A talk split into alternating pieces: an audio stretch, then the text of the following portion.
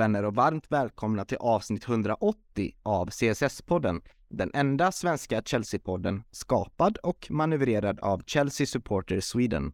Den enda officiella svenska Chelsea-supporterföreningen med platinamedlemskap i Chelsea FC. Vi vill passa på att eh, nämna till alla lyssnare och alla till alla medlemmar i CSS att vi har ju en medlemsresa på G nu mot eh, mötet mot Brighton som ska äga rum den 15 april. Så har du ännu inte hunnit göra din ansökan om biljetter eller köpt flygbiljetter till London så är det dags att göra det. Eh, vi märker att det börjar hagla in eh, fler recensioner här på podden, vilket vi är väldigt tacksamma över. Eh, och vi har ju som mål att nå upp till 100 recensioner och sist jag bad er att komma in och lämna fem stjärnor så gjorde ni det, så det är vi väldigt, väldigt tacksamma över. Ja, nu har det ju hänt en del sen eh, sist vi snackade och fönstret är äntligen stängt och vi kan börja liksom se fram emot den här våren och få en mer, alltså starkare idé på hur vår trupp kommer se ut och hur kanske en potentiell startelva kommer se ut och eh, spekulationerna är lagda åt sidan och vi, eh, ja men vi kan börja se framåt egentligen. Eh, men alltså, jag tycker inte att det har blivit lättare att kanske ta ut en startelva, Det kanske har, har aldrig varit så här svårt att ta ut en startelva.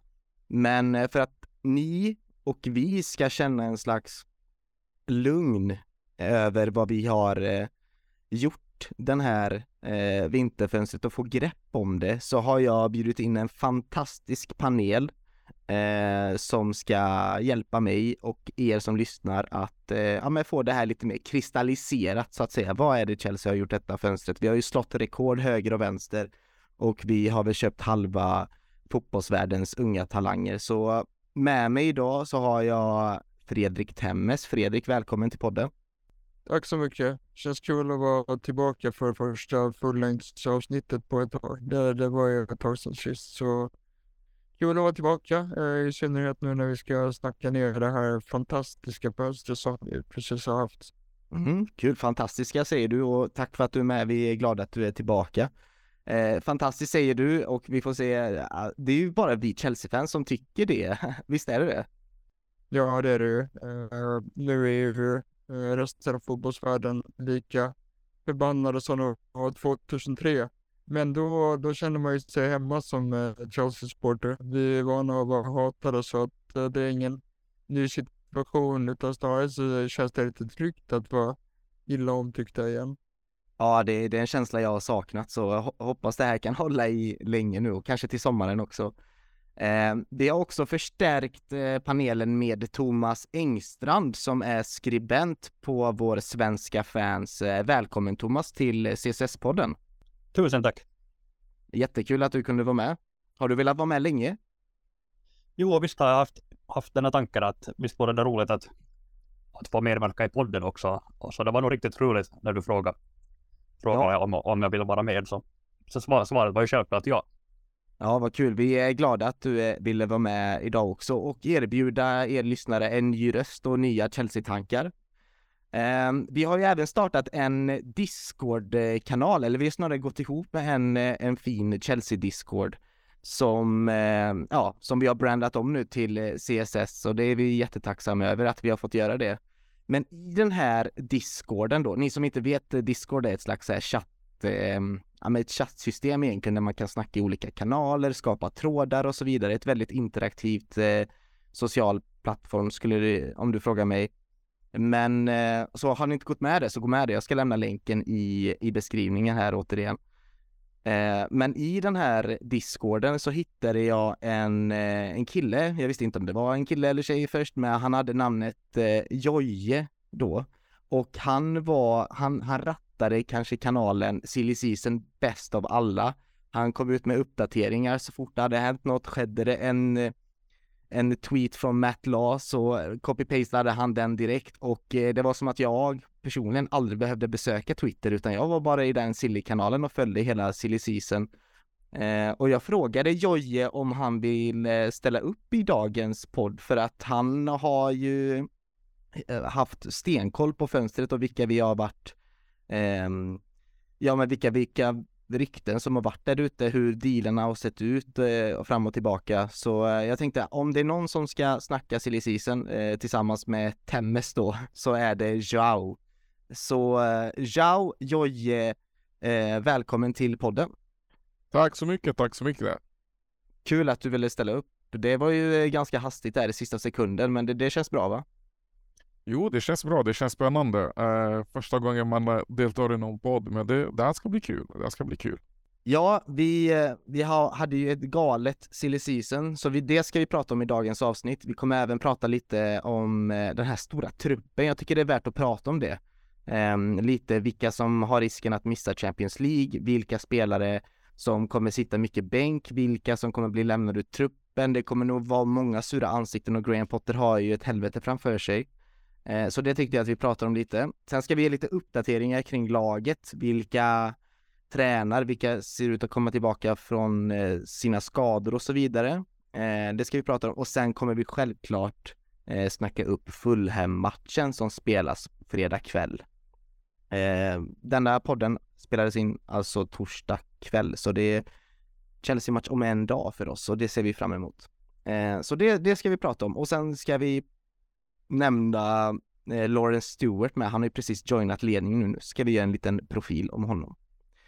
Ja, ni hör ju, det är jättemycket och mycket kommer ju tillgängligas till just till i season då. Vi ska gå igenom alla spelare i kronologisk ordning från början utöver januari. Så jag tycker att vi kör igång på en gång.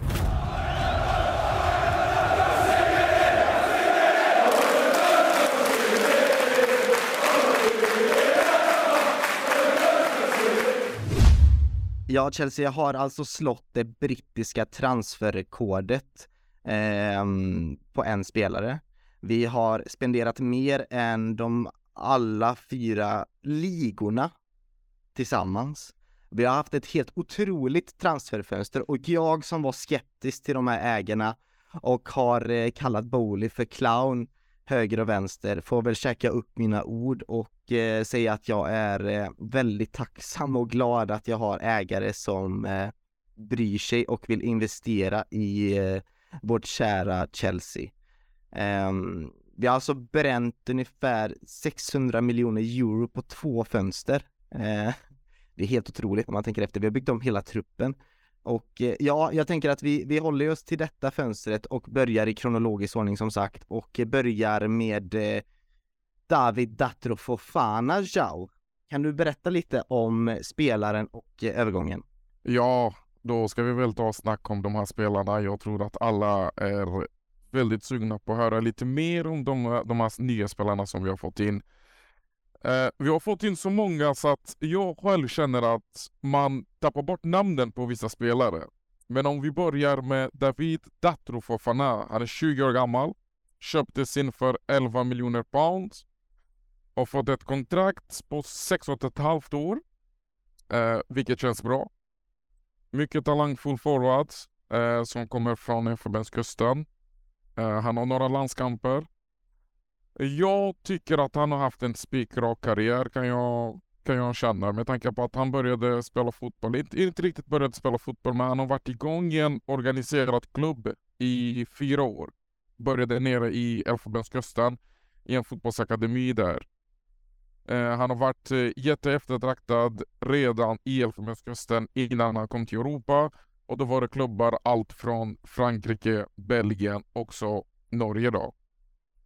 Eh, till slut 2021 så valde han att teckna för eh, Molde. Eh, där han även debuterade februari 2021 mot eh, Hoffenheim. Och där han även blev målskytt, ska man ju nämna. Matchen slutade dessvärre 3-3, men alltid kul att få göra ett mål. Slu innan jag avslutar med Fofana så ska vi säga att han spelade 42 matcher för Molde där han eh, bidrog till 15 mål innan han hamnade i Chelsea idag. Det var ja. allt vi hade om honom just nu. Ja, häftigt och det är jag glad att vi har fått till en till Ivrian i klubben. Vi hoppas att han kan ha hälften så framgångsrik karriär som våra andra ivrianska spelare hade i, i klubben. Eh, vi, vi hoppar rast vidare över till en annan fransktalande spelare eh, vid namn Benoit Badiachil, Fredrik. Och det här var ju Ja, det var ju lite högre summa än de här 11 miljoner pund eh, som Dator Fofana kostade. Precis, det var 34 miljoner pund och han är då inplockad från eh, Monaco. Möjligtvis då på Laurie Stewarts eh, rekommendation. Han är en eh, stor och stark och spelskicklig vänsterfotad mittback. Eh, sådana som är så pass eh, eh eftertraktade just eh, på grund av eh, sin vänsterfot. Och han har imponerat storlän i sina två första matcher och verkligen gjort ett avtryck som jag inte riktigt såg.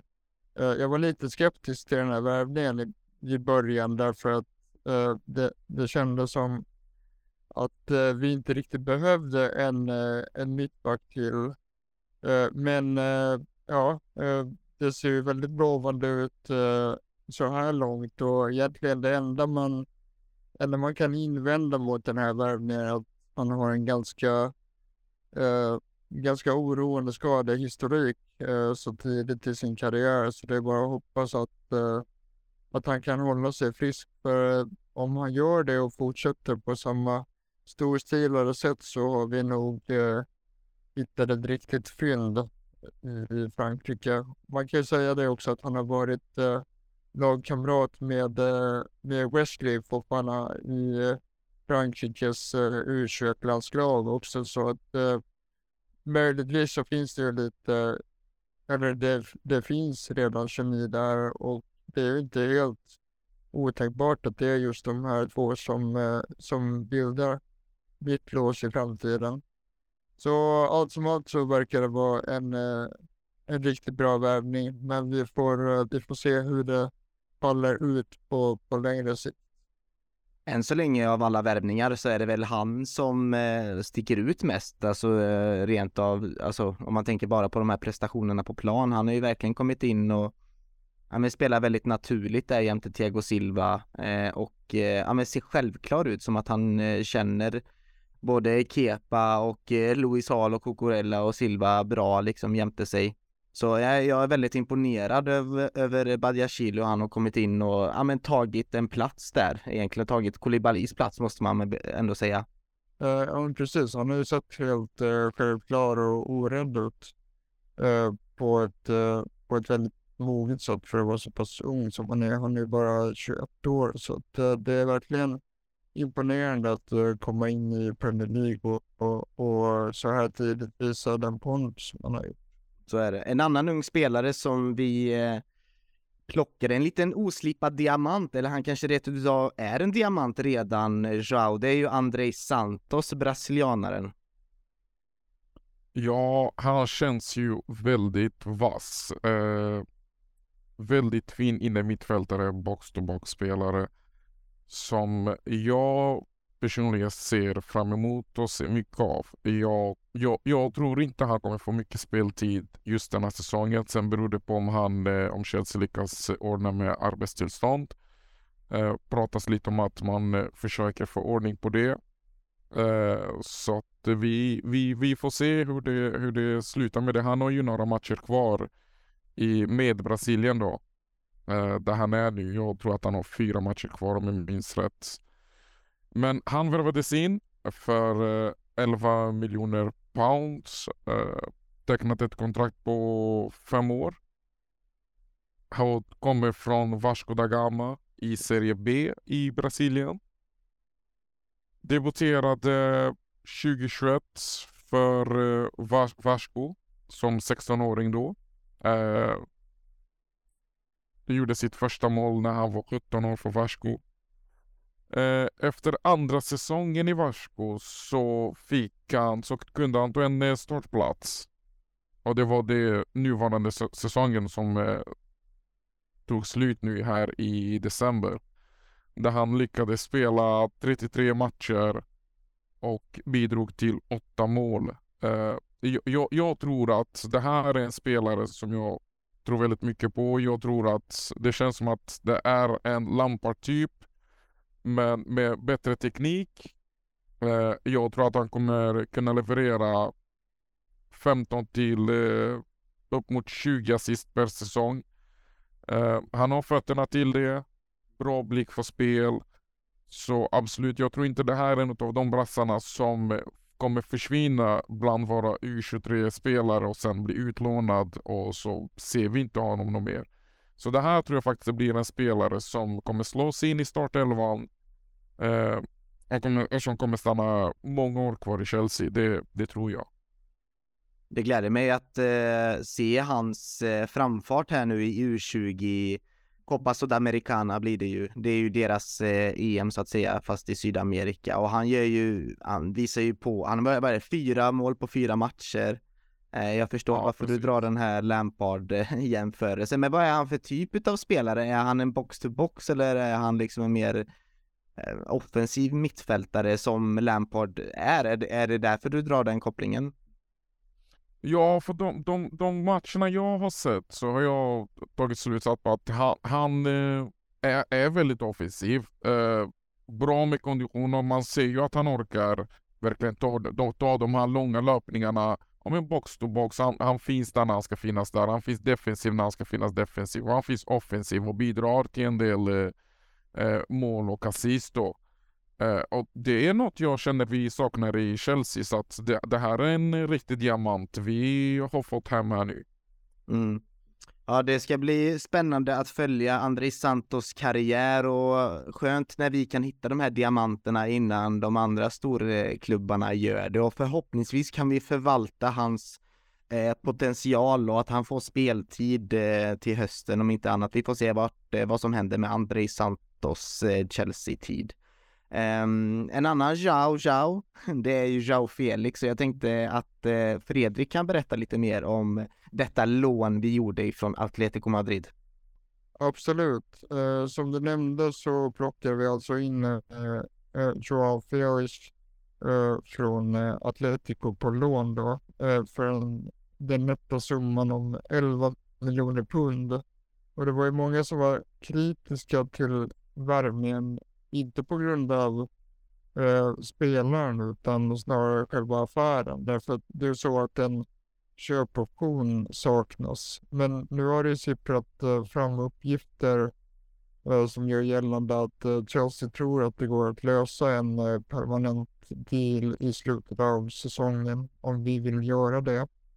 Och det tror jag också. Det eh, uttalar mig om redan redan när vi värvade honom att även om det inte finns eh, någon köpoption inbakad i själva affären så går det ofta att lösa eh, i slutet av säsongen. Det var ju samma sak med eh, till exempel Kovacic. Där fanns det inte heller någon köpoption från början och eh, även Martin Ödegård i Arsenal som gör stor succé men eh, vad gäller Felix då så fick han det aldrig riktigt att stämma i Atletico. Men eh, i grund och botten så är han en uh, riktig juvel, vilket vi alla fick se prov på under hans eh, 60 eh, minuter mot eh, Fulham. Och jag tror att eh, han med eh, eh, sitt länkspel och intelligenta sätt att hitta ytor och den teknik han besitter så eh, tror jag att han kan bli en ovärderlig spelare för oss om vi får eh, snurr på honom. Mm. Och ja, gör vi det så, så tror jag helt enkelt att vi försöker köpa loss honom.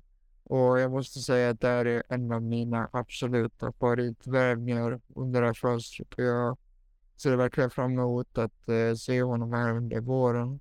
Mm. Det är väldigt spännande med Joao Felix, det var som jag nämnde i någon annan podd någon gång. Det är som att eh, fotbollsvärlden har glömt av vilken stor talang det är där. Eh, han har blivit, han har typ mal, han har varit malplacerad i Atletico Madrid då och inte fått spela den här fina fotbollen och vi fick ju se på prov på det i i VM nu senast att eh, hur viktig han var för Portugals eh, anfallsspel. Så när Joao Felix var bra, då var ju hela Portugal bra. Så eh, jättekul att han eh, är hos oss och kan visa upp och han verkar också ha kommit in i laget bra. Han är väldigt aktiv på sociala medier och jag tycker han verkar ha hittat hem med både Chilwell och Rhys James och Mason Mount så han, han har ju han, han, verkar ju känna att han, han trivs redan med sina nya kollegor. En annan grej där med Jean Felix är ju att han eh, eh, är avstängd. Han eh, har ju sin sista match imorgon ja, som han är avstängd, så vi kommer inte få se honom imorgon mot Fulham tyvärr, utan vi får vänta lite till. Men någon vi troligtvis kommer få se Jao imorgon, det är ju vår eh, nya Starboy, eh, Mihailo Mudrik. Ja, eh, jag skulle nog säga att han, han är vår nya Eden Hazard. Eh, det, det, det, vågar jag faktiskt påstå. Eh, väldigt ung fortfarande, 22 år. Uh, han, det, det, det, det skickar vibbar från, från när flera klubbar var efter Hazard och så valde han Chelsea. Uh, och det är lite samma vibbar här nu när Mikael Modric väljer uh, Chelsea. Nu, nu är det förvisso så att vi betalade en viss summa men det känns ändå som att han kommer trivas i klubben. Han har tecknat för ett, ett kontrakt på sju år. Uh, han känns väldigt spännande, snabb, teknisk, eh, snabb på att leverera bollar och det är lite svårt att veta vad hans nästa drag är. Och det saknar vi lite grann i Chelsea idag. Så att han kommer vara riktigt, riktigt intressant att ha i klubben. Eh, något som är viktigt att säga också om, om eh, Modric är att han eh, tränar väldigt mycket extra på egen hand. Och det, vet, det har man ju sett på hans sociala medier, videos som han har lagt upp. Men även videos som eh, Shakhtar har lagt upp. Mm. Och även nu i Chelsea visar videos som eh, personliga tränarna har lagt upp. Och det gillar man och det saknar man lite i dagens spelare. Så att det ska bli väldigt intressant att se hur han fortsätter att bygga på det han nu har påbörjat. Han är fortfarande ung, mycket kan hända på vägen, men fortsätter han så här så absolut, då har vi en potential Ballon d'Or vinnare här, eh, vill jag påstå. Men han började sin karriär då eh, i Metalisk, eh, Kharkiv i Ukraina då.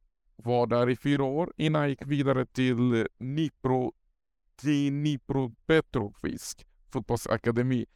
Och får ursäkta uttalandet här men man kan ju inte det här språket. Eh, efter det så gick han vidare till Shakhtar. Och det är där han har riktigt så blom, blommat ut. Så att eh, väldigt fina matcher där. 29, mål, 29, 29 matcher, 9 mål. Så att det ska bli väldigt intressant att fortsätta se hur bra den här mannen kan bli. Mm. Alltså ah, som du nämner där, han verkar ju supermålmedveten och ambitiös och det är som du säger, man ser inte det så ofta utan att man eh, man, man får la känslan av att eh, unga spelare som kommer till stora klubbar blir lite mätta lite för fort kanske, man inte jagar den här eh, alltså man är inte lika besatt som kanske spelare var förr. Eh, eller så är det bara kanske, alltså det är ju vissa superstars, alltså jag får ju Ronaldo-vibbar av honom, alltså Cristiano Ronaldo. Att han har, alltså att han är besatt av att bli bäst och det är väl det som gör mig eh, glad i den här värvningen.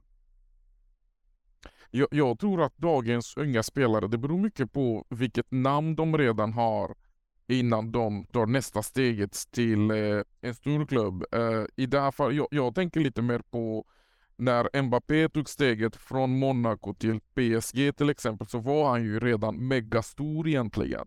Och då finns det en stor risk att han eh, inte riktigt går hundra. Känner att men nu, nu är jag redan här. Eh, nu behöver jag kanske inte göra de här extra träningarna. Men de spelarna vi får in idag, eh, de spelarna vi har fått in i, i nu i januari, så känns det som att det är spelare som eh, kommer och, vi, och, se, och, och visar verkligen att jag har mycket att bevisa, jag är inte färdig, jag har inte ens börjat. Och det är lite det jag verkligen älskar med dessa nyförvärv vi har fått in.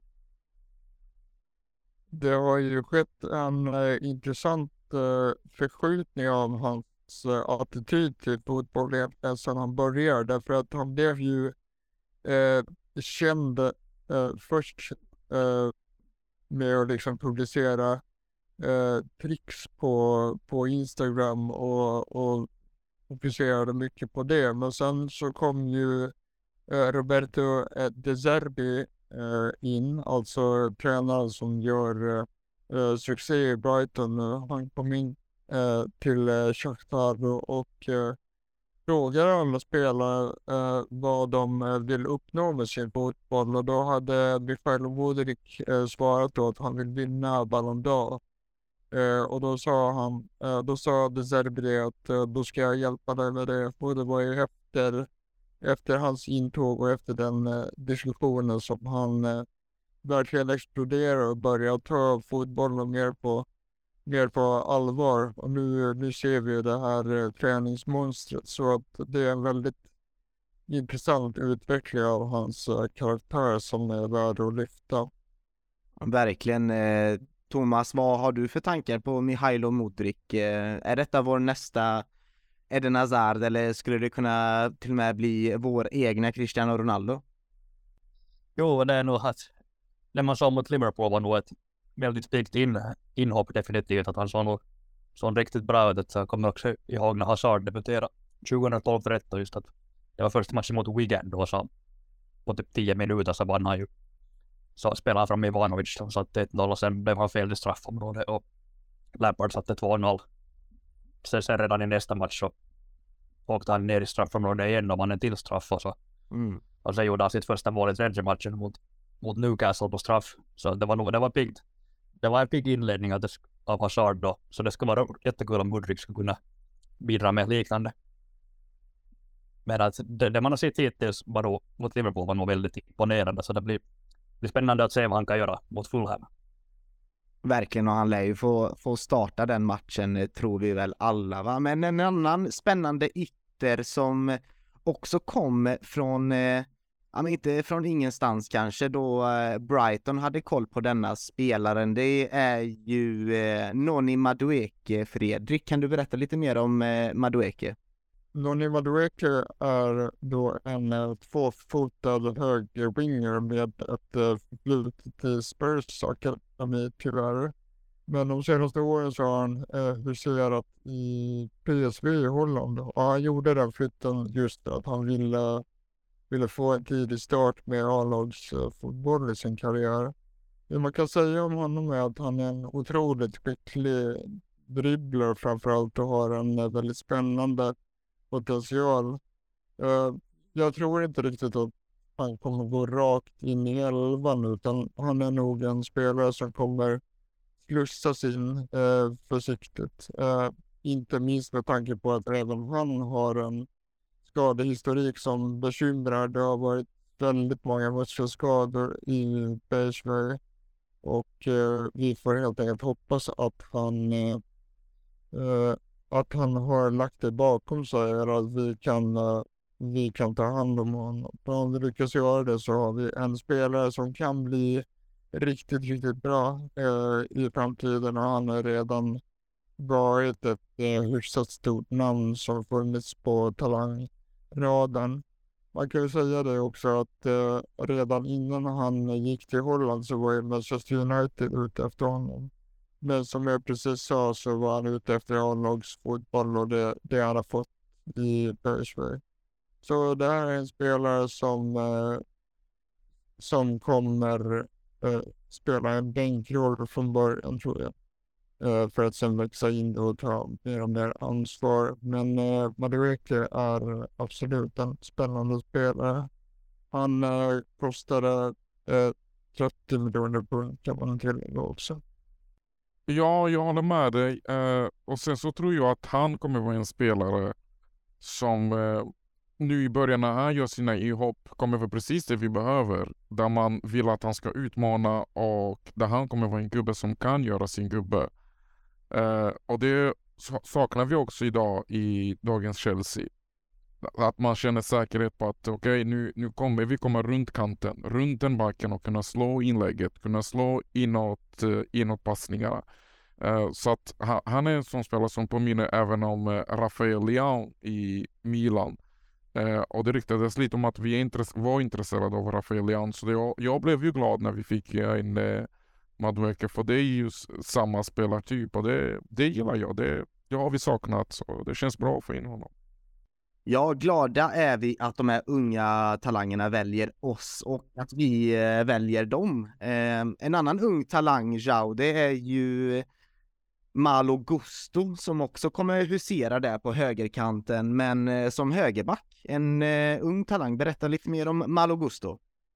Ja, han kom ju också in där i ungefär samma pris som eh, Madueke. Eh, också 30 miljoner pound. Eh, 19 år gammal. Eh, tecknade ett kontrakt på sex år han också där. Eh, högerback. Eh, det har vi behövt. Det är lite tråkigt att han blir utlånad nu direkt till Lyon. Men jag tror att det var det som krävdes för att vi skulle få honom till Chelsea. Med tanke på att konkurrensen till sommaren kan bli riktigt tight. Där vi inte vet ens om det blir något Champions League-spel. Eh, men annars, eh, talangfull högerback. Som kommer ge Reece James toppkonkurrens. Reece James har ju haft sina skador nu senaste tiden. Men jag tror att det alltid är nyttigt med bra konkurrens. De, de kommer pusha varandra. Och till slut har vi alltid två toppspelare på plan och det är ju det vi vill ha i slutändan. Han startade sin karriär ganska tidigt eh, i sin hemstad i Lyon 2012. Eh, han blev kvar där 2015 innan det blev ett byte till ett annat lag. Vidare därifrån ett år efter så kom han in i Lyon, Lyons eh, ungdomsakademi som 14-åring. Debuterade tidigt i A-laget 2021. Säsongen därpå debuterade i premiären för Lyon. Blev yngsta ytterbacken som debuterade för Lyon i Ligue 1. Eh, spännande spelare. Eh, nämnd och värt, och, och nämnt, eh, värt att säga är att han hade lite tur där eh, säsongen han eh, gjorde sin premiär. Med tanke på att Lyon hade en del spelare som hade lämnat ytterbackar Eh, och kvar var ju, kvar var ju just eh, Malogusto, så han, då fick han ju chansen, vilket är bra. Eh, gjort väldigt bra ifrån sig. Eh, stark offensiv, skicklig spelare, bra fötter. Eh, bra defensiv, påminner mycket om Rhys James. Eh, så att det är bra spelare vi har fått in här nu, så det ska bli spännande att se honom här nu till, so till sommaren när han väl kommer. Så får hoppas han att han inte åker på någon skada här nu eh, resten av säsongen. Eh, men det var allt jag hade om honom. Ja, jag tycker just att Malo Gusto är en jättebra värvning på, på lång sikt. Just att kapten Aspilicueta i all, i all ära, att han, han har varit fantastisk i sina tio år i klubben, men man har nog börjat märka den här säsongen att han inte riktigt hänger med. Så på det sättet är det jättebra att ta in en, en ung spelare som bara, bara är 19 och kommer bara att vara 20 år gammal när han nu förhoppningsvis väl debuterar för Chelsea.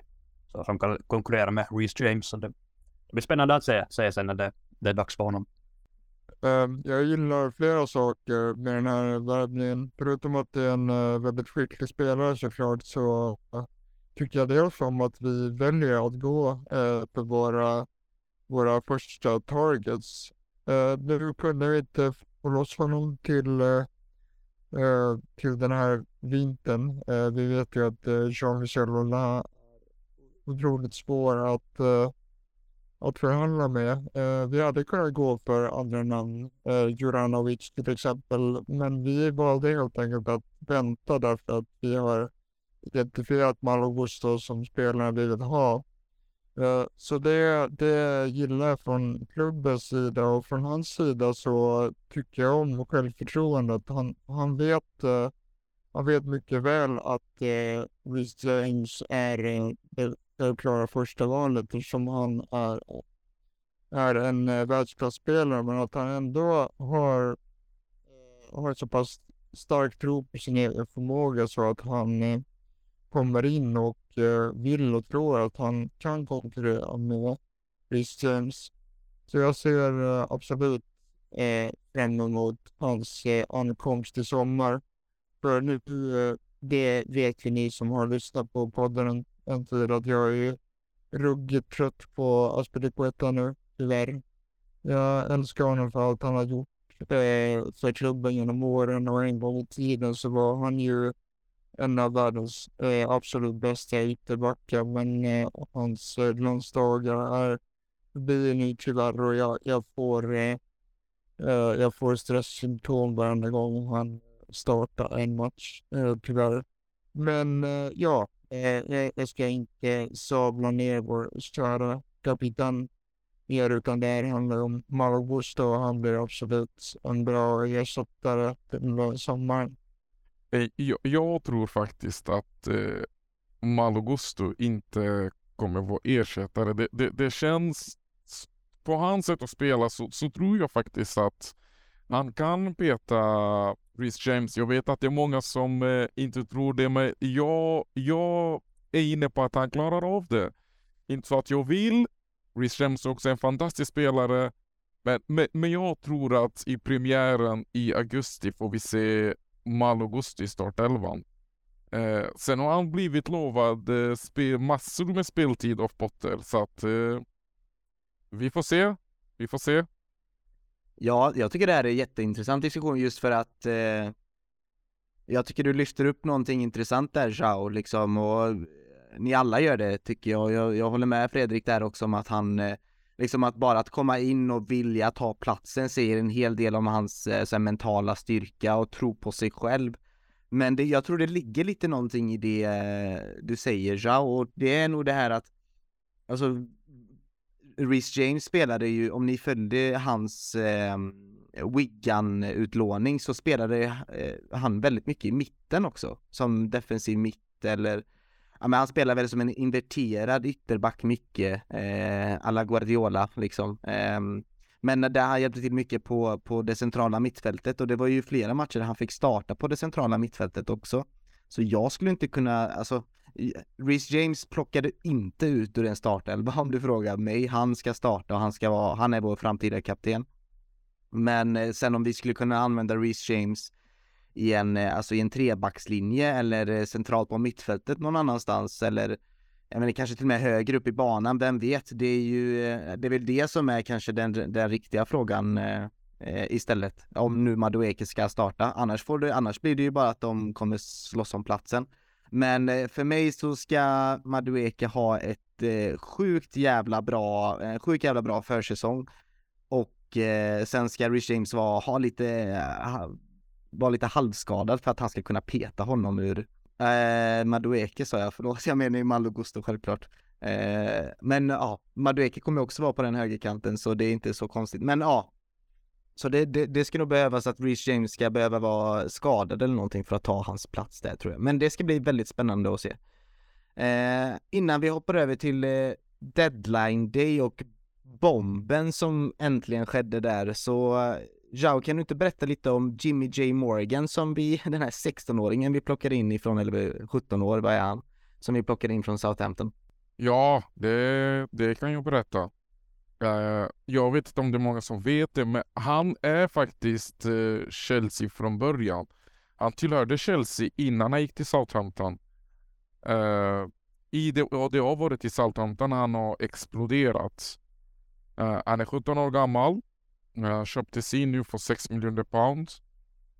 Och har tecknat ett kontrakt på tre år. Väldigt, väldigt talangfull anfallare. Som sagt tillhörde Chelsea i tidigt ålder innan han gick till Southampton. Har bidragit med 27 mål i Southamptons U16 och 13 mål för U18, vilket är väldigt, väldigt imponerande. Jag har läst att tränarna där och säger att eh, han är en riktigt pistolero. Pistolero, vass avslutare. Men det, kän, det känns vassare när man säger pistolero för då vet man att det, det är en liten Suarez-aktig forward. Han, är, han ska vara riktigt bra på avslut i alla fall. Så att det här är också en eh, jättebra och talangfull forward vi har fått in. Eh, jag, jag, tror att vi kommer inte få se så mycket av honom den här säsongen. Eh, vi kommer få se honom i U23. Det tror jag absolut. Men nästa säsong däremot så något inhopp eh, i cupmatcherna till att börja med. Där, där tror jag det finns chans att eventuellt se honom göra debut. Men eh, inte den här säsongen. Mm det ska bli spännande och alltså hade vi haft den här multiklubbmodellen nu på plats så känns ju han som den perfekta spelaren att bara skicka iväg på ett lån eh, direkt och det gäller ju även eh, Datro Fofana och Andrei Santos möjligtvis, men det, det, vi har ju inte det på plats. Vi kan se, det blir nästa projekt som ägarna ska ägna sig åt och det är att hitta de här klubbarna då som man vill eh, skapa den här multiklubbsnätverket med. För visst är det så Temmes att det här är, alltså det här är en sån spelare som det, det, är klart att inte han kommer spela eller Alltså jag tror inte heller han kommer göra inhopp eller någonting men det är en sån här spelare som vi hade behövt skicka ut på till en utav våra klubbar på lån. Absolut, även om jag tycker att eh, Hans Palmsberg kanske är lite väl ung för att eh, lånas ut direkt utan han får gärna då på tillväxt i akademin ett tag. Men eh, på sikt så absolut. Mm. Eh, precis ja, vi ska ju komma ihåg att Kobban, Kobban har ju världens bästa fotbollsskola, för det har vi faktiskt. Eh, ja, men sen var den här galna deadline day och vi alla väntade väl bara på ett namn och det var tyvärr inte Jimmy J Morgan utan det var ju Enzo Fernandes. Och eh, wow, vilken deadline day. Jag satt där med iPaden, mobilen och eh, Sky Sports News på tvn och eh, Fabrizio Romano på iPaden och jag bara, det här måste bara ske, det här måste bara ske. Eh, jag blev besatt av tanken från att jag tyckte att det var alldeles för mycket pengar på Enzo så har det utvecklats till en, ja men en liten besatthet av att jo, jag vill ha honom, jag vill ha Enzo Fernandes och vi behöver en eh, bra mittfältare in i klubben. Eh, ja, Fredrik, han kom till slut med, bara en timma kvar utav eh, fönstret så blev han klar, eller here we go då. Ja, gud vilken, eh, vilken pass det var eh, under deadline där. Och eh, egentligen hela månaden. Vi var inne eh, tidigt och försökte få till en affär där. Men vi, vi skötte det inte så bra eh, som vi kanske minns då. Utan vi förargade Benfica. Men så kom de här ryktena tillbaka nu och vi började förhandla och det var ju en lång dag där, eh, där det liksom gick upp och ner. Eh, ena stunden var det hoppfullt, andra stunden var det negativt och tredje stunden så var, var affären nästan död. Det har ju framkommit eh, nu efteråt att eh, vid åtta tider ungefär så, eh, så var ju bilen helt död. Men vi Eh, Eh, vi kom tillbaka och eh, i slutändan så blev det en eh, otroligt förmånlig affär om man jämför med hur det hade kunnat vara. För eh, Benficas inställning och Rui Costas inställning var ju hela tiden att nej, det är releaseklausen på direkten, eh, alltså 120 miljoner euro direkt eller ingen deal alls. Och sen så slutar det ändå med att vi, eh, vi får till en deal där vi betalar, jag tror det var 47 miljoner pund eh, nu på direkten och sen delar upp den här betalningen eh, i fem omgångar. Eh, så att eh, eh, vi fick ju precis vad vi, vad vi ville till slut. Eh, så det, det måste jag verkligen applådera Bowley och eh, Eibali för att de, att de fick det gjort. Eh, något annat som var väldigt smart också är att det har florerat rykten kring att man använder ett eh, factoringbolag, eh, vilket innebär att eh, de eh, skickar över pengarna och sen så eh, betalar vi av till det här factoringbolaget och eh, inte till, eh, inte till Benfica då, så att bara hitta den kreativa lösningen är otroligt bra gjort. Så vi måste absolut uh, applådera klubben för hur vi skötte det till slut. Ja, och jag håller med dig där. Uh, det kreativa som våra ägarna lyckades få till det där i, få till där i slutet är ju fantastiskt bra. Uh, jag, jag tror däremot, det, det, det Rui Costa är var intresserad av här var ju att behålla Enzo. Med tanke på att Enzo har ju bara spelat där ett halvår, uh, har gjort det väldigt bra. Sen så ligger man etta i tabellen i portugisiska ligan. Man, eh, man har gjort det väldigt bra i, i Champions League där även Enzo, Enzo har gjort det väldigt bra. Enzo har gjort det väldigt bra i, i, under VM. Så att han vet ju att sälja Enzo nu för under de här 120 miljarderna som, som, eh, som Chelsea var tvungna att betala. Uh, säljer Enzo nu och inte lyckas vinna ligan så kommer alla skylla på, Skiko på Skikosta. Om inte Chelsea betalade det som krävdes. Men däremot, får Chelsea, betalar Chelsea det som krävs så kan eh, samtidigt som eh, Benfica inte vinner ligan så kan Skikosta alltid säga att men Chelsea kom in med de pengarna som krävdes så vi kunde inte göra någonting åt det. Så det är inte mitt fel. Så det är så här snacket har gått i Portugal. Så, så nu har Chelsea ändå fått så som de ville så att vinner Benfica inte ligan så kommer folk skylla på Rui Costa. Så han eh, ligger lite risigt till nu. Jo, nu, nu känns det ju ganska eller extremt bra att få in en ung argentinsk argentinsk VM-vinnande mittfältare och då ska vi också komma ihåg att när Chelsea för nio år sedan köpte en defensiv mittfältare från Benfica i namnet Nemanja Matic så gick det ju riktigt bra. Så man får ju hoppas på liknande. Och ja, och sen speciellt Argentina har ju varit ett, just ett land och ett land där, okej, okay, uh, eh, Hernan Crespo var gjorde ju det väl rätt bra för Chelsea. Detsamma Willy Caballero var aldrig första målvakt, men, men han gjorde det bra då han, då han väl fick chansen. Men, sen, men sedan ska vi, men sedan Gonzalo Higuain och, och Franco Di Sancto och till och med med Rons insats i Chelsea-tröjan är, är nog något som vi, vi helst glömmer. Så det blir spännande, att, eller roligt att se att en ny argentinare i laget som förhoppningsvis kan, kan ta Premier League med storm. Ja, det är precis det vi vill att han ska ta, alltså framförallt vårt mittfält med storm. Kan han inte börja där för eh, det är där vi har skrikit efter hjälp och nu har vi alltså två centrala mittfältare som har vunnit eh, VM-guld, det är ju helt sjukt alltså. Tänk han och Kanté jämte sig, det, det är ju liksom Ultimate Team här. Det är riktigt eh, häftigt att se eh, vad vi bygger och vad vi faktiskt sitter på för spelare. Eh, förutsatt då att alla är friska. Men alltså jag är, alltså om vi bara pratar om spelaren Enzo Fernandes så vi har inte pratat om honom riktigt jättemycket i podden för vi har inte vetat om det blir en deal eller inte så vi har väl sparat eh, våra tankar kring spelaren men herregud vad han, han verkar vara en komplett mittfältare.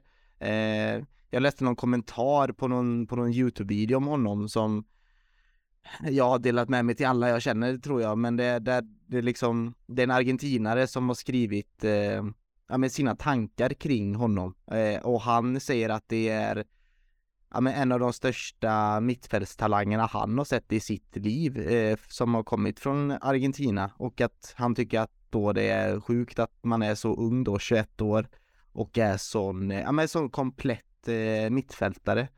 Ehm, och om man tänker efter, han har inte tillhört klubbarna som han har eh, huserat hos eh, speciellt länge heller. Han har ju alltid tagit stora kliv. Eh, han skickades ju på lån till eh, till Defensa i Justicia och sen eh, från River Plate då. Ehm, och sen kom han tillbaka till River Plate och var liksom avgörande eh, på sitt lån och när han kom tillbaka från sitt lån i Benfica har han ju bara spelat ett halvår eh, och har gjort det riktigt bra i Champions League och i VM liksom går vinner VM-guld. Argentina spelade skit mot Saudiarabien. Det såg lite knackigt ut mot Mexiko, han byts in. Jag kan inte säga att han vänder matchen men han gör mål och han är tongivande, sen, sen tappar han inte liksom sin eh, sin startplats i den elvan eh, och är, ja men alltså han är tongivande till en stor anledning till varför eh, tillsammans med Messi då varför Argentina vinner eh, VM-guld. Eh, Jao, vill du berätta mer om, om fotbollsspelaren Enzo Fernandez och vilken typ av fotbollsspelare han är? Ja, han sitter ju lite längre ner i, i, vet du, i han sitter lite längre ner i banan då, för, framför backlinjen skulle jag säga att han gör. Eh, bra blick till spelet, kan leverera då, just de här djupledsbollarna som vi har saknat. Eh, genomskärarna som vi har saknat. Eh, inte riktigt en box-till-box spelare, men han tänker snabbt inne på mitten. Eh, som sagt levererar de här fina bollarna. I Benfica, det har faktiskt inte blivit så många assist, men efter en halv säsong, det har blivit fem stycken och ett mål.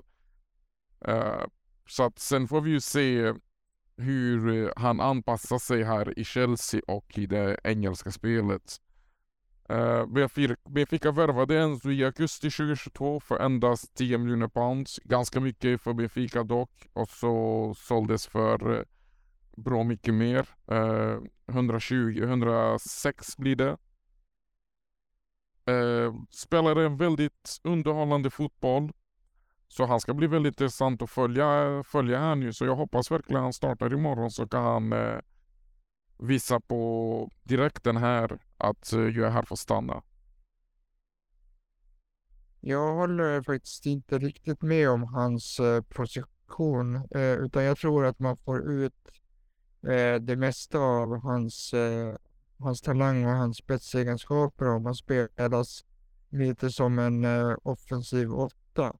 Alltså, visst, han, han kan vara den här eh, städgumman och eh, registan som, som nummer sex, eh, vilket han ju även var, eh, var för Argentina med, med bravur. Eh, så han kan ju absolut spela den, den djupaste rollen, men jag tror som sagt att man, eh, man tappar lite av eh, det som han är riktigt bra på om eh, man spelar honom längre ner i banan. Men eh, jag håller med om det att han är en otroligt spännande spelare och kan förhoppningsvis vara, vara den mittfältaren som eh, lyfter vårt nu ganska trötta mittfält till helt nya nivåer.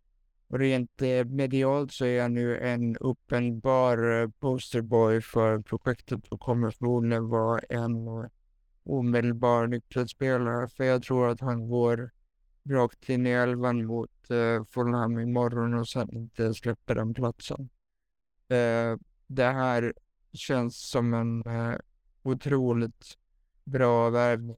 Eh, alltså helt i klass med, eh, med eh, Bellingham och eh, andra, andra sorters talanger. Och jag tror att det här var nog egentligen enda riktiga tillfället att få honom. Därför att hade vi väntat i sommaren så hade det säkert varit eh, flera klubbar med i racet. Så det här är en, eh, rikt, eh, en riktig kupp och en eh, världsklassvärvning eh, skulle jag säga och verkligen kronan på verket eh, för eh, vårt eh, fantastiska värvande i januari. Och det är som, eh, som jag pekat på flera gånger innan att jag tycker att Real Madrid har eh, föryngrat sitt mittfält bra. Jag, jag, jag, jag vill ju verkligen ha in Chouameni och eh, Kamavinga, någon av dem hade jag velat in i ett lag, men då fick vi, fick vi Enzo, alltså att vi får, att vi får ett sånt stort namn som ja men de här storklubbarna hade velat eh, jaga eh, säger en hel del om hur seriös den här satsningen är och att vi blir att eh, räkna med i, eh, ja, men i fotbollsvärlden framöver, i flera år framöver egentligen. Han vad var det, ett, var det ett åttaårskontrakt eller han har kontrakt till 2031 läste jag. Och eh, riktigt häftigt och jag är så taggad på att se honom eh, spela fotboll och även, det är ju ingen sån Neymar kanske eller det är ingen sån som kommer showa men det är ju någon som kan ja, men dominera matcher, ta matchen med, eh, alltså typ kontrollera pulsen i, eh, i tempot liksom. Eh, det är lite som att han har Jorginhos kvaliteter och Fabregas kvaliteter och eh, lite mer det här råa gata i sig också. Så han är en blandning av många fina fotbollsspelare som har spelat hos oss förut och eh, jag är otroligt eh, intresserad av hur Potter kommer använda honom om det blir en sån här double pivot eller om det blir en mer offensiv roll. Eh, det ska bli jättespännande att se det, men eh, Thomas, vad har du för tankar eh, kring eh, honom som fotbollsspelare? Är du, är du taggad för att eh, se Enzo Fernandes? Jo, visst blir det, visst blir det spännande att se, att se honom, kan vi säga, in action.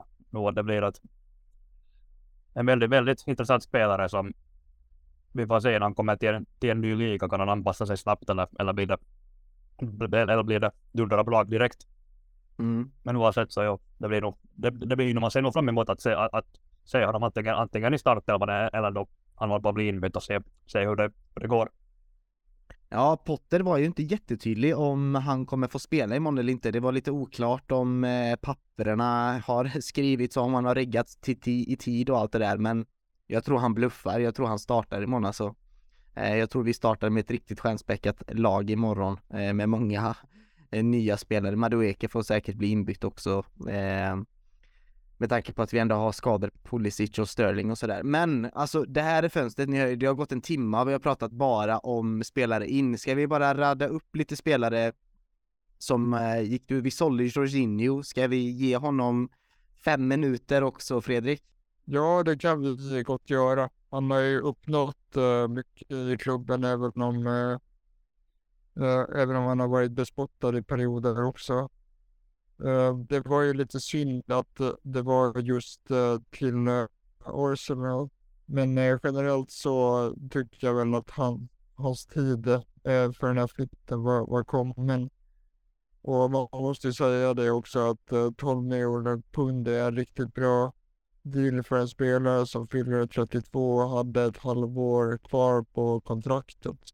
Och jag tror faktiskt att det det är ingen Arsenal-podd, men, men jag, Eh, jag skulle säga att det är en bra deal för alla parter egentligen. Uh, vi, vi får en, en spelare såld uh, som förmodligen hade lämnat gratis annars. Och uh, Arsenal får in en en barnvinnare och en eh, erfaren spelare som eh, säkert kan bidra en hel del eh, med eh, vinnarkultur i, eh, i det där unga laget. Eh, så jag tror egentligen att det är riktigt bra för alla inblandade.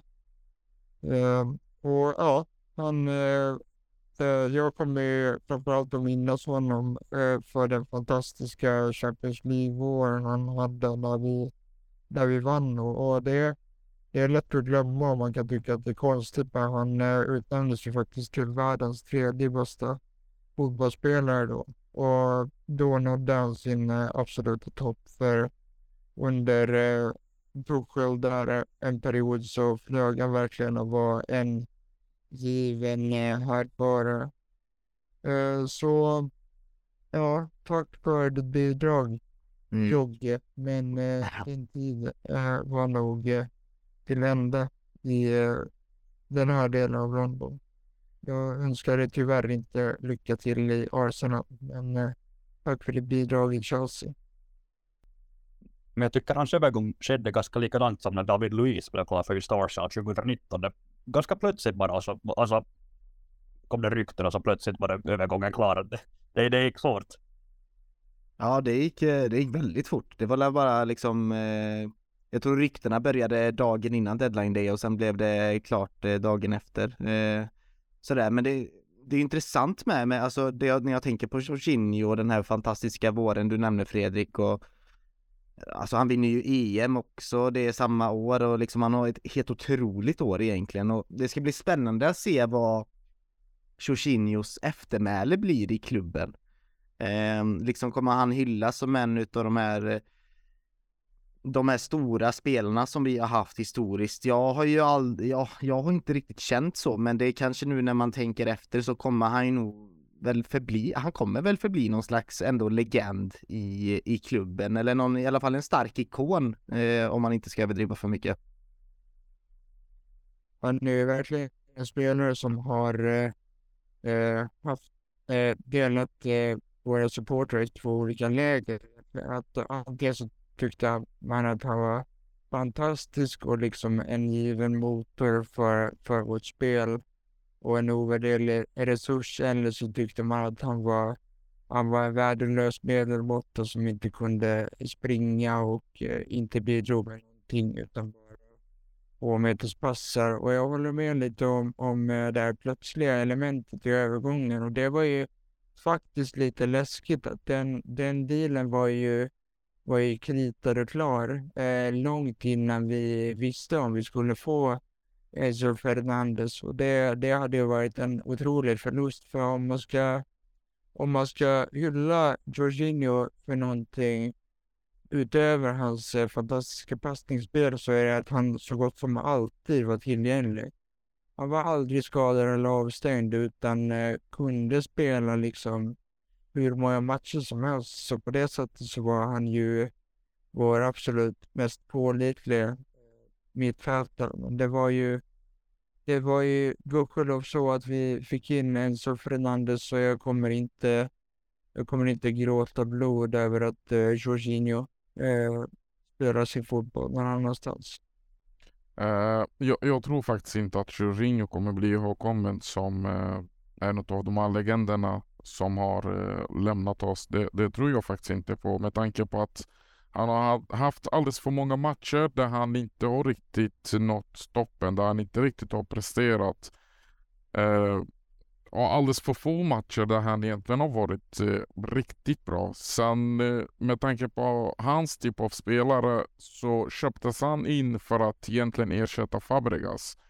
Och Fabregas kunde ändå leverera några, några assist eh, per säsong, viktiga assist, vilket jag inte tycker eh, eh, Jorginho bidrog med. Eh, så därför tror jag faktiskt inte han kommer bli ihågkommen på det sättet. Eh, för eh, om man kommer ihåg spelare som Essien, Lampard, även Ballack. De blev ihågkommen på ett helt annat sätt. Jorginho tror jag var alldeles för, för klen liksom. Lite för långsam. Uh, det var en spelare som var alldeles för enkel att klaga på så därför tror jag faktiskt inte han kommer bli ihågkommen som en utav de här stora spelarna. Jag tror att folk känner mest att det är skönt att han eh, äntligen har lämnat och det är som du säger Fredrik att vi kommer inte gråta blod liksom men att han eh, lycka till men inte lycka till i Arsenal. Hoppas inte han lyckas där men. Ja det är ju den här Sarri-sonen som hade ja, med problem med att hitta sin identitet i laget efter att Sarri eh, lämnade och vi kan sitta här och prata jättemycket Jorginho men vi tar med oss i alla fall att han eh, var en stark bidragande faktor till varför vi fick eh, lyfta upp den här Champions League-bucklan den 19 maj eh, 2021 i Porto. Och ja, vi tar med oss hans lilla skutt med för det, det var ändå så var det straff så var det mål. Jag aldrig, det var sällan jag kände mig så säker när någon går fram till straffpunkten. Eh, liksom det är väl han och Harry Kane som jag känner mig solklara när de gick fram till straffpunkten och möjligtvis Cristiano Ronaldo men eh, ja det, det, tar vi absolut med oss. Eh, någon annan som lämnade eh, klubben men på lån, det var ju någon som faktiskt behövde det tycker jag då. Det är ju Cesare Casadei som gick till Reading. Ehm, ja, det är väl bra att han får speltid eh, framförallt och det, den här truppen blir bara större och större så det är också en sån här spännande mittfältare som vi har pratat om som absolut behöver eh, spela för att utvecklas och då kändes Reading som ett bra alternativ. Men eh, är det någon mer här som vi, alltså är det någon ni tycker att vi missade i detta fönstret? Är det någon ni känner att eh, fan, eh, vi borde fått den här spelaren, eh, vi borde köpt in denna spelaren. Jag vet att jag får ändå en känsla, precis som du var inne på Fredrik tidigare här, att vi fick ändå alla våra första val. Vi fick de här spelarna som vi var ute efter. Eh, men alltså till skillnad från detta fönstret, från förra fönstret då, då fick vi inte in Jules Koundé till exempel. Men detta fönstret så, alltså vi prickade ju in allt vi pekade på, får jag ändå känslan utav. Tack och lov för att vi inte fick in eh, Jules Koundé. Jag vidhåller att eh, det var lika bra att vi slapp honom. Men eh, en spelare jag Ja, vi, vi missade honom inte riktigt, men det blev inte eh, av. Jag tycker personligen att det är lite synd att vi inte kunde hjälpa Caicedo. Enzo eh, Fernandes är en fenomenal värvning, men inte exakt den spelartyp vi behöver som andra mest. Eh, vi har ju fortfarande ingen ren defensiv mittfältare i truppen, så jag hoppas att vi återkommer till den rollen i sommar och löser Declan Rice just eh, Caicedo då. Jag, eh, jag tror att vi, att vi fixar det på ett eller annat sätt. Nu har du Fofana inte fått chansen på allvar ännu förutom ett kortare inhopp mot Manchester City i FA-cupen. Men jag tycker nog att någon ordentlig striker, nummer nio, skulle, ha varit, skulle också ha varit bra att få in. Att vi har fått in mycket, mycket offensiva vapen.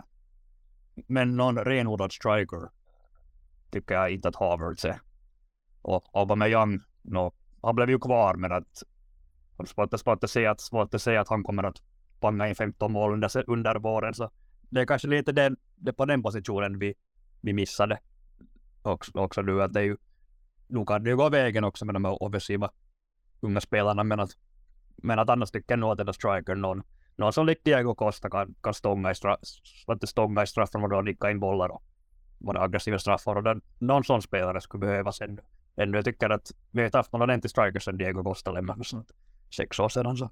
Ja, jag kan hålla med dig lite om en striker att det Alltså det har ju skrikits som det, vem ska göra målen, vem ska, vem ska göra målen, vem ska göra målen. Men jag tror att eh, eh ledningen eh, försöker väl klura ut någonting till sommaren där och vi kommer ju också få in en Kunko till sommaren så man kanske inte vill göra för stort köp men eh, ett sånt här eh, Veghorst-lån hade inte varit eh, illa. Vi, vi har ju också väldigt dålig erfarenhet av sådana här, eh, eh, vad heter det, strikerlån som bara ska hålla i sex månader. Så, ja, Falcao bland annat. Så det kanske var lika bra att vi, vi struntade i det. En annan spelare som äh, lämnade, som äh, egentligen har gått lite under radarn, men som jag tycker är ett stort tapp, det är talangen äh, Jude eh, Sundsvall Bell. En 17-årig snabb och målfarlig striker som äh, såg som en av eh, en av de största talangerna i akademin just nu. Eh, så det säger ju en hel del. Och han, han lämnar för Spurs nu, men inte, inte som någon avspelare utan nu ska han husera i den akademin istället. Varför han nu vill göra det och varför man eh, överhuvudtaget ska gå till eh, Tottenham. Jag antar att det är optimalt om man inte har någon ambition eller vill vinna några titlar i sin karriär. Men eh, skämt åsido så jag tycker att det var riktigt synd att vi, att vi tappar den här spelaren för jag tror att han hade kunnat bli ett eh, ämne för vårt A-lag i sin tid. Mm, och Fabio Paratici gick ut och sa det att han eh, haft ögonen på Sonsubel och är riktigt glad över att få in honom in i klubben så um, Ja, han kanske såg något där som inte våra grabbar såg, eller så var det just för att vi plockade in den här Southampton-killen på 17 bast som eh, ska konkurrera ut detta. Då tänkte vi, ja men det är kanske bra att göra denna dealen. Eh, men vi får se om hur eh, den karriären kommer utvecklas, om vi kommer ångra detta i framtiden eller inte. Men ja, ni hör ju kära lyssnare, det är otroligt många namn eh, som ska komma in. Alltså än så länge har podden bara bestått om Ja, bestått av spelare in och ut och det blir inte så mycket analytiskt och åsikter och snack utan det blir mer det här hände, det här är spelaren och eh, det här tror vi kanske om spelaren. Men någonting som jag tycker är värt att diskutera, alltså för oss alla här i alla fall, där, där jag tycker att de är det stora diskussionsämnet är, det är ju ja, med den här storleken på vår trupp nu. Och eh, ja, det finns ju stora delar utav vårt anfall som eh, ja, men sitter på en massa frågetecken tycker jag. Nu, Hakim Ziyech-stilen blev ju inte av, den följer ju i sista sekund på grund av att eh, ja, vi, eh, Chelsea lämnade inte in, eh, skickade inte in papperna i tid. Eh, och det är ju jättekonstigt att man kan missa en sån grej i dagens, med dagens teknologi. Det är bara att skicka mejlet. Men man får anta att Chelsea gjorde allting de kunde. Eh, och att man hade förmodligen andra saker att tänka på den deadline day då med tanke på Enzo Fernandes. Men PSG ska vara väldigt upprörda då att man inte fick in Hakim Ziyech och jag tror också att Hakim Ziyech är lite förbannad över det, för det hade varit gött att inte få bort honom sådär, men att få bort honom ur, ur truppen i alla fall för att göra den lite smalare. För det kommer ju vara svårt för Potter att göra alla de här offens offensiva spelarna glada. Jag ska bara dra en lista här på de, de vi har i vår liksom anfallsuppsättning då. Eh, och då tar jag inte med några mittfältare utan jag försöker hålla mig till eh, liksom sista tredjedelen och då har vi alltså Mihailo Modric, Noni Madueke, Kai Havertz, eh, Raheem Sterling, Hakim Ziyech, Jao Felix, Armando Broja, Aubameyang och Datro Fofana. Som då skulle fått eh, lånas ut till Nice, men det blev inte av heller. Vi har också till sommaren en Kunko som kommer in och vi får tillbaka Lukaku. Det här mina vänner kommer vara ett jättestort problem och vi kommer nog behöva ta, eller klubben kommer nog behöva ta några stora beslut snart. Eh, och framförallt när sommaren börjar. Om ni, när ni bara hör den här listan på de här, nu ska vi se, nu ska vi räkna dem, en, två, tre, fyra, fem, sex, sju, åtta, nio, tio, elva spelarna som alla kan husera på den offensiva tredjedelen. Hur ska alla de här elva spelarna slåss om eh, tre platser, eh, Jao? Vad, vad tänker du när du hör de här namnen? Jag är eh, faktiskt inte orolig. Eh, det känns inte som att vi har problem med tanke på att eh, några i den här listan eh, inte kommer vara kvar i klubben eh, efter sommaren. Eh, så, eh, till exempel Ar Armando Broja där så han har ju varit skadad en del. Så jag tror inte han kommer stanna kvar efter han kommer tillbaka från skadan. Han kommer behöva en utlåning för att få mycket speltid. Eh, så det problemet är ju enkelt att lösa. Sen Aubameyang tror jag verkligen inte heller stannar kvar det är inte en spelare som, som Potter vill ha kvar, eller det är inte en spelare som han själv har valt ut heller. Uh, och det har snackats lite om att uh, han, är han har ju velat lämna nu i januari men det går inte för att han har ju redan uh, tillhört både Barcelona och Chelsea igen och samma säsong. Så han var tvungen att stanna kvar. Sen tror jag att Datro Fofana behöver bli utlånad och få också massa speltid. Och då har vi ju kvar eh, Modric, eh, Madueke, Guy Havertz kan bli svår att få honom att spela. Jag tror, jag tror han hamnar på bänken. Starling har vi. Eh, Hakim Ziyech tror jag försvinner också i sommar. Mm. Eh, och Lukaku. Lite svårt att veta nu när man har bytt tränare. Man har fått in fler spelare, nya ansikten. Då, då är det faktiskt lite svårt att veta vilken inställning Lukaku kommer ha när han kommer tillbaka. Han kanske kommer tillbaka och säger att jag är redo att ge järnet, jag är redo att ge 100%, jag stannar i klubben.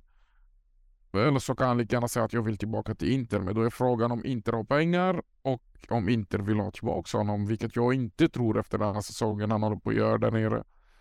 Eh, så, så, så, jag tror inte vi kommer ha problem i sommar när det kommer till våra, till våra anfall uppsättningar. Tror jag faktiskt inte. Ja, det är ju, och nu glömde jag också nämna Christian Pulisic, alltså i den här listan. Det är ju, det är sjukt alltså, det är 12 spelare, Fredrik. Eh, ja, jag hörde Jao, du tror att eh, många lämnar och det, det tror jag väl också, men det är ju där, det är huvudverken Potter ställs inför, eh, Fredrik, som Alltså han får inte fokusera så mycket på det som händer på plan utan det är så mycket annat som ska rattas och han ska testa och experimentera och vem är det som tar till sig hans eh, taktik på bästa sätt. Eh, Um, Jao Felix, det är också sådär, vi måste ge hans speltid för att se om det är värt att köpa loss honom. Um, det, detsamma gäller ju Zakaria nu också, nu blir det ju svårt med, när Zakaria är skadad. Men, men hur tänker du när du hör alla de här spelarna, Fredrik?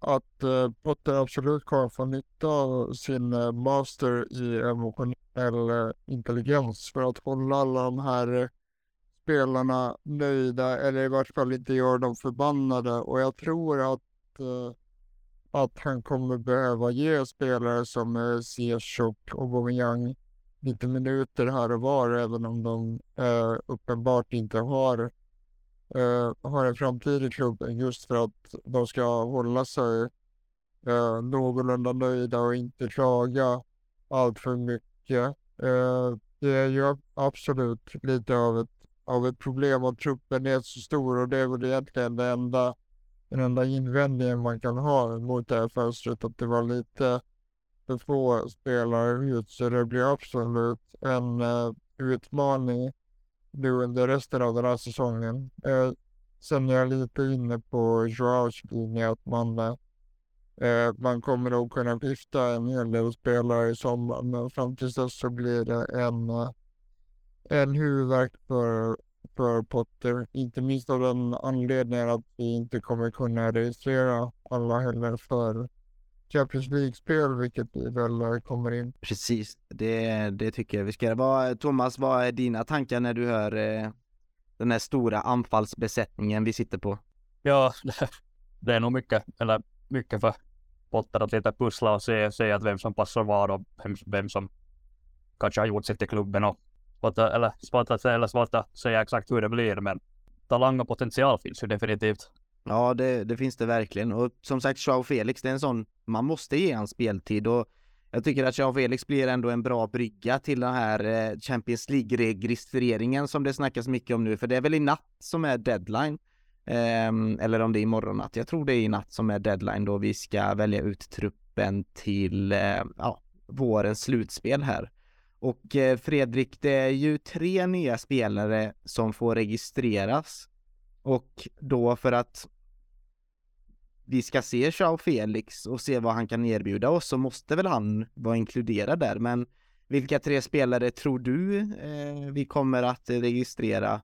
Eh, Enzo Fernandes känns väl självklar med tanke på pengarna vi har lagt på honom och jag menar, frågar du mig så känns Modric också självklar. Så är det Modric är det Modric, Enzo Fernandes och eh, Jean Felix som är de tre självklara? Det eh, tror och tycker definitivt eh, att eh, det blir de tre. Och det kan man ju tycka är väldigt hårt mot eh, Badia Kim till exempel som har eh, inlett eh, riktigt bra. Men eh, reglerna är som de är. Eh, så vi får helt enkelt nöja oss med att, eh, med att registrera tre spelare. Och det är inte så mycket vi kan eh, göra åt det. Nej, precis och det här med Badiashil, jag tänker att Wesley Fofana kommer komma tillbaka från sin skada så då, då kommer vi ha extra täckning där i, i backlinjen. Eh, Jao, du tycker inte heller det är no några konstigheter när det gäller vilka tre som ska inkluderas? Eh, jag håller med Fredrik där eh, att det blir just eh, de här tre. Vi har ju lånat in Jean Felix och då måste han ju få spela. sen har vi lagt massa pengar på Enzo och det är en position som vi har behövt förstärka så det är ganska självklart att han också ska in och delta. Det är lite samma med Modric, jag har också lagt mycket pengar på honom. Sen har han redan visat på att han sitter med på en fantastisk potential så det är ganska självklart att han ska in och spela med tanke också på att Bullshit är skadad. Eh, Rain Starling har precis kommit tillbaka så det är, det är ganska självklara val här. Mm. Ja, han sa det på presskonferensen idag att han, eh, det kommer vara lite jobbiga samtal med några spelare Um, så ja, jag är inte avundsjuk på det, det Potter behöver göra, men eh, man, det är nog många tränare som är avundsjuka på honom, att han eh, får så många fina spelare att välja på. Så jag tror inte Graham Potter lider allt för mycket. Men hörni, tiden springer iväg och det här är ju faktiskt bara del ett, så jag tycker vi hoppar in i närtid, nutid och eh, lite snar framtid då, för det är ju faktiskt match imorgon, så vi ska, vi har ju ett lag att snacka upp och eh, Fulham att eh, snacka upp. Så vi ses i del två.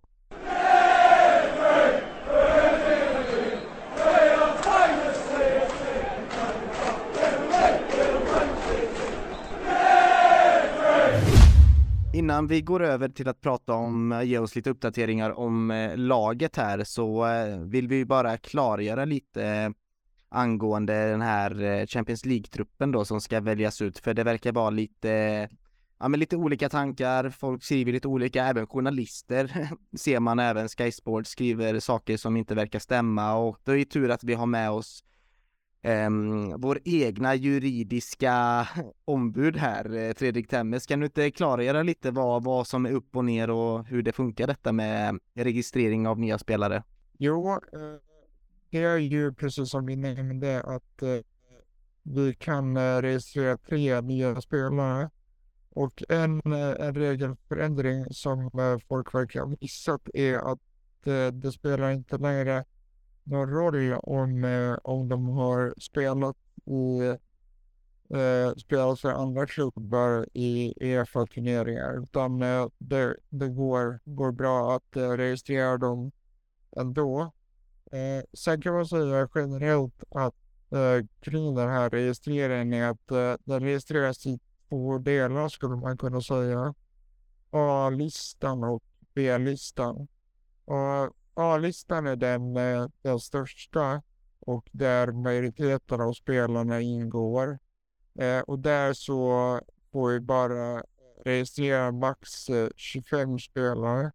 Eh, den så kallade B-listan, eh, den, eh, den består av spelare som är 21 år eller yngre. Och någonting som, eh, någonting som Sky Sports missade i sin förklaring är att för att kvalificeras för den här B-listan så måste spelaren dessutom ha tillhört klubben i minst eh, två år. Vilket inte eh, då Mojrik eh, till exempel har gjort. Så han, eh, eh, det stämmer helt enkelt inte att han kan eh, registreras på, på B-listan utan vi får hålla oss till de här tre, eh, tre nya spelarna. Eh, något annat som man behöver ha i åtanke är att vi behöver ha eh, åtta stycken så kallade homegrown-spelare. Och det råder lite förvirring om vad det är också egentligen. En vanlig, vanlig missuppfattning är att det handlar om engelska spelare som, eh, som har fostrats i akademin. Och det är bara delvis sant. Utan en, eh, och det här är egentligen en utredning som gör sig bättre i text. Men eh, försök att hänga med här så ska jag förklara vad en homegrown-spelare är. En eh, homegrown-spelare är eh, är en spelare som mellan 15 och eh, 21 år eh, har eh, tillhört eh, Chelsea eller klubb i England i minst eh, tre år. Och man kan nämna det också att efter två år så kvalificeras de här spelarna eh, för, eh, för B-listan. Eh, och eh, om, eh, om den här spelaren har, eh, har tillhört eh, Chelsea i tre år så blir, eh, blir det en spelare som eh, eh kategoriseras som, eh, som trained as club. Eh, Eh, om en spelare inte har tillhört eh, Chelsea i tre år utan en annan klubb eh, i England i tre år så blir det en eh, eh, ja, homegrown in nation skulle man kunna kalla det. Och eh, totalt så behöver man då registrera åtta sådana här homegrowns. Varav fyra stycken ska vara eh, sådana som har vistats i, i Chelsea. Och det handlar alltså inte om engelska spelare utan vi skulle kunna ta eh, André Santos som ett exempel. Han, eh, han kom ju till Chelsea nu som 18-åring om det är så att, eh, att han får sitt arbetstillstånd och vi behåller honom så kommer han om två år kunna kvalificeras för den här B-listan. Och eh, efter tre år så kommer han då att vara homegrown club. Så det, det är också någonting som de ska bära med sig och som kanske kan vara värt att komma ihåg när när man eh, skeppar iväg spelare som har fostrats i akademin som till exempel Conor Gallagher och Ruben Loftus-Cheek. För eh, även om de inte tillför jättemycket eh, på plan alla gånger så är det i alla fall viktigt för att fylla den här kvoten. För om det är så att man inte, inte kan registrera åtta homegrowns eh, utan till exempel sex stycken, då får den här A-listan bara innehålla 23 spelare och inte 25. Så att det blir ju en konkurrensnackdel. Jag verkligen hör att det blev lite rörigt trots allt, men jag hoppas att det gick att hänga med no någorlunda. Det här är precis som du säger är lättare att klargöra i en text kanske, så det kanske finns någon duktig skribent där på CSS som vill eh, som vill utveckla detta. Kanske till och med blir du Tennis som gör det eh, som ändå har bakgrund i detta. Eh, vi ska också nämna det att Chelsea gick ut idag med en, ett statement och bekräftade mer eller mindre att det blir Lawrence Stewart och Paul Win Stanley som kommer ta upp rollerna som ja men som sportchefer kan man väl säga då i klubben, sport, sportslig direktör, eh, finns ju många namn för den, eh, det uppdraget, men det är egentligen de två som ska hålla koll på ja men det här, ja men det som händer på plan och ha lite mer fokus på spelarna då medans vi Bivell är lite mer den här tekniska direktören som har varumärket Chelsea och företaget Chelsea mer som huvudfokus då. Även fast alla kommer vara inblandade i transfers. Vi vet ju att vi väl också var nere i Benfica mycket nu tillsammans med ägarna så att säga. Men Lawrence Stewart är ju den senaste som har eh, kommit in i klubben. Han kom in eh, igår blir det va, första februari som han blev officiellt anställd för klubben och Lawrence Stewart har varit, eh, han var då teknisk direktör sist i Monaco. Eh, han har varit det sedan juni 2021. Eh, tidigare så har han jobbat eh, eh med, eh, ja, men han har jobbat lite som scout och sånt där. Han har eh, även jobbat som performance, eh, han har hållit på med performance analysis, ett Hull City och eh, han har även hjälpt FA under VM 2014. Eh, och sen har han jobbat också som så här, huvudscout då för Leipzig också. Eh, och eh, ja men lett hela det, deras scoutingprojekt tillsammans då med eh, Vivell då. Så han är ju väldigt tätt samarbete, men han känner ju redan Vivell sen innan. Eh, och han är en stor supporter utav den här multiklubbmodellen då, så det verkar också återigen som att vi har värvat någon som är ja, som har, eh, som är alinjerad med den här kulturen och nya filosofin som klubben vill sätta. Så det känns ju som att vi bygger en bra stomme där på ledningen. Jag kände att det ändå var värt att nämna. Eh, men ja, Thomas, nu ska vi släppa in dig lite mer i podden. Du har ju varit eh, tyst och snäll mestadels här nu då, men jag tänker att du ska skina här lite mer och berätta om, ja men läget i laget och spelarna. Det är ändå match imorgon. Hur, hur, eh, ge oss en fin uppdatering om, om laget. Vilka tränar och vilka ser bra ut och vilka tror du kommer eh, debutera? Eller vilka tror du kommer spela? Är det någon spelare som kanske kommer tillbaka från skada och så vidare? Ge oss en uppdatering. Ja, tack så mycket. Ja, visst är jag. Ja, jag har inte haft så stor roll ännu, men att, men att tack, tack att jag fått prata lite under värvningarna. Självklart uppskattas det. Men ja, no, match imorgon som sagt. Potter bekräftade under presskonferensen tidigare att Rhys James, Ben Chilwell och Raheem Sterling har alla tränat och de har chansen att spela mot Fulham. Men Wesley Fofana har tränat lite grann, men att kommer inte att vara i spelskick ännu, men kommer att höja eller träna ännu mera under de kommande veckorna. Och Hakim Ziyech är också tillgänglig, men däremot så är Denis Zakaria, Christian Pulisic, Matteo Kovacic och Broja förblir ännu otillgängliga och detsamma gäller Mendy som hade en fingerskada som inte, inte, inte ännu har återhämtats. Ja, det är ju skönt att höra att många är tillbaka från sina skador. Det ska bli gött att se Rhys James tillbaka och Chilwell. Äntligen får vi tillbaka våra ytterbackar och eh, Fulham, alltså sist vi mötte dem, det var inte alls länge sedan, så åkte vi på en snöplig förlust där Jao Felix blev utvisad efter att ha varit eh, bäst på plan och är det samma Fulham, med samma goda form vi möter, eh, Thomas? Mellan Boxing Day, mellan Boxing Day och just matchen mot, senaste matchen mot Chelsea så, så tog Fulham fem raka segrar. Men efter det så har de åkt på två förluster i Premier League mot Newcastle och Tottenham samt spela oavgjort mot, mot Sunderland i FA-cupen.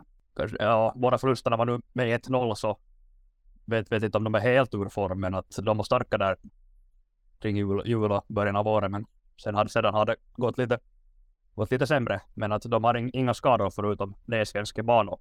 Så truppen, truppen är ju ganska, det, är ju ganska bra och dessutom, dessutom har de värvat in en hel del nya spelare också. Ja, har du, kan du berätta lite om någon spelare de har värvat in som ser intressant ut?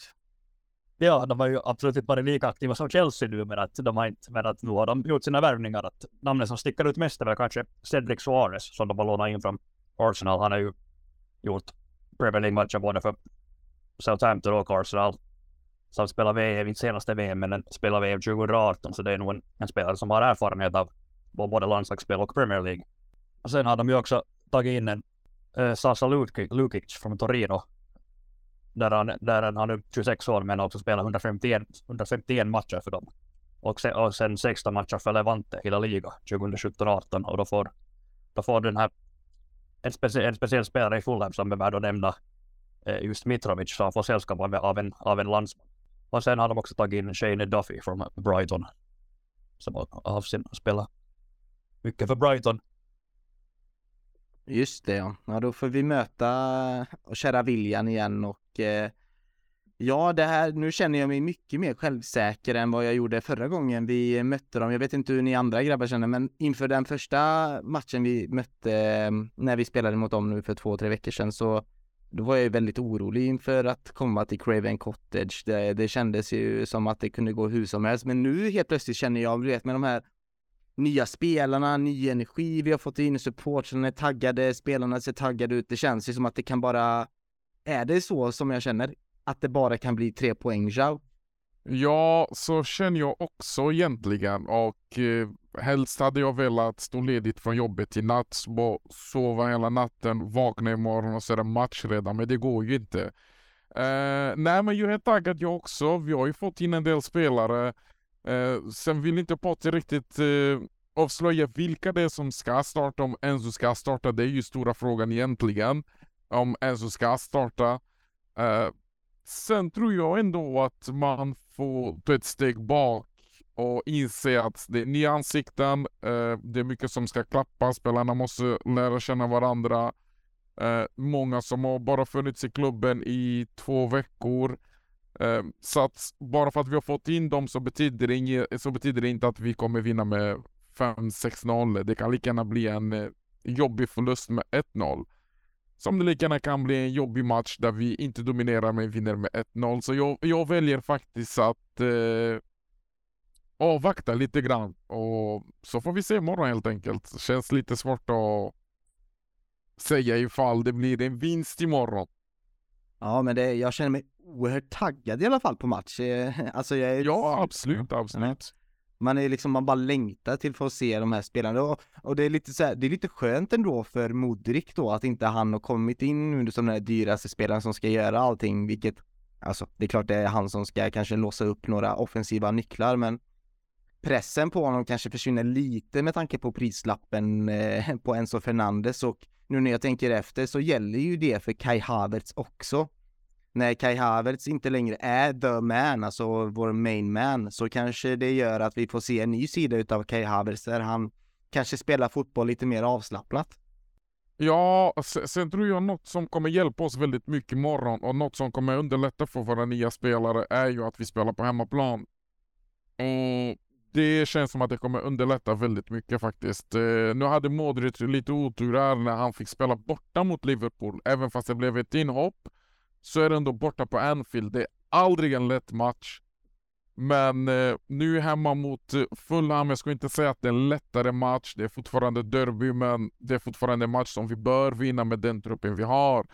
Eh, och jag tror att eh, vi sitter här och är taggade, taggade så tror jag faktiskt att publiken som kommer vara på plats kommer vara ännu mer taggade. Och det tror jag faktiskt kommer lyfta våra spelare eh, ännu mer.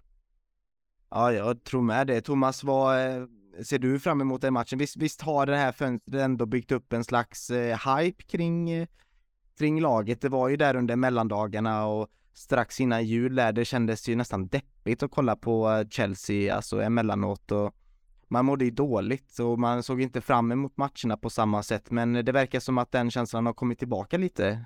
Jag, jag kan hålla med om att det var deppigt just där efter VM att se, men att nu efter alla de här spännande januarivärvningarna så kan man nog säga att the hype is real.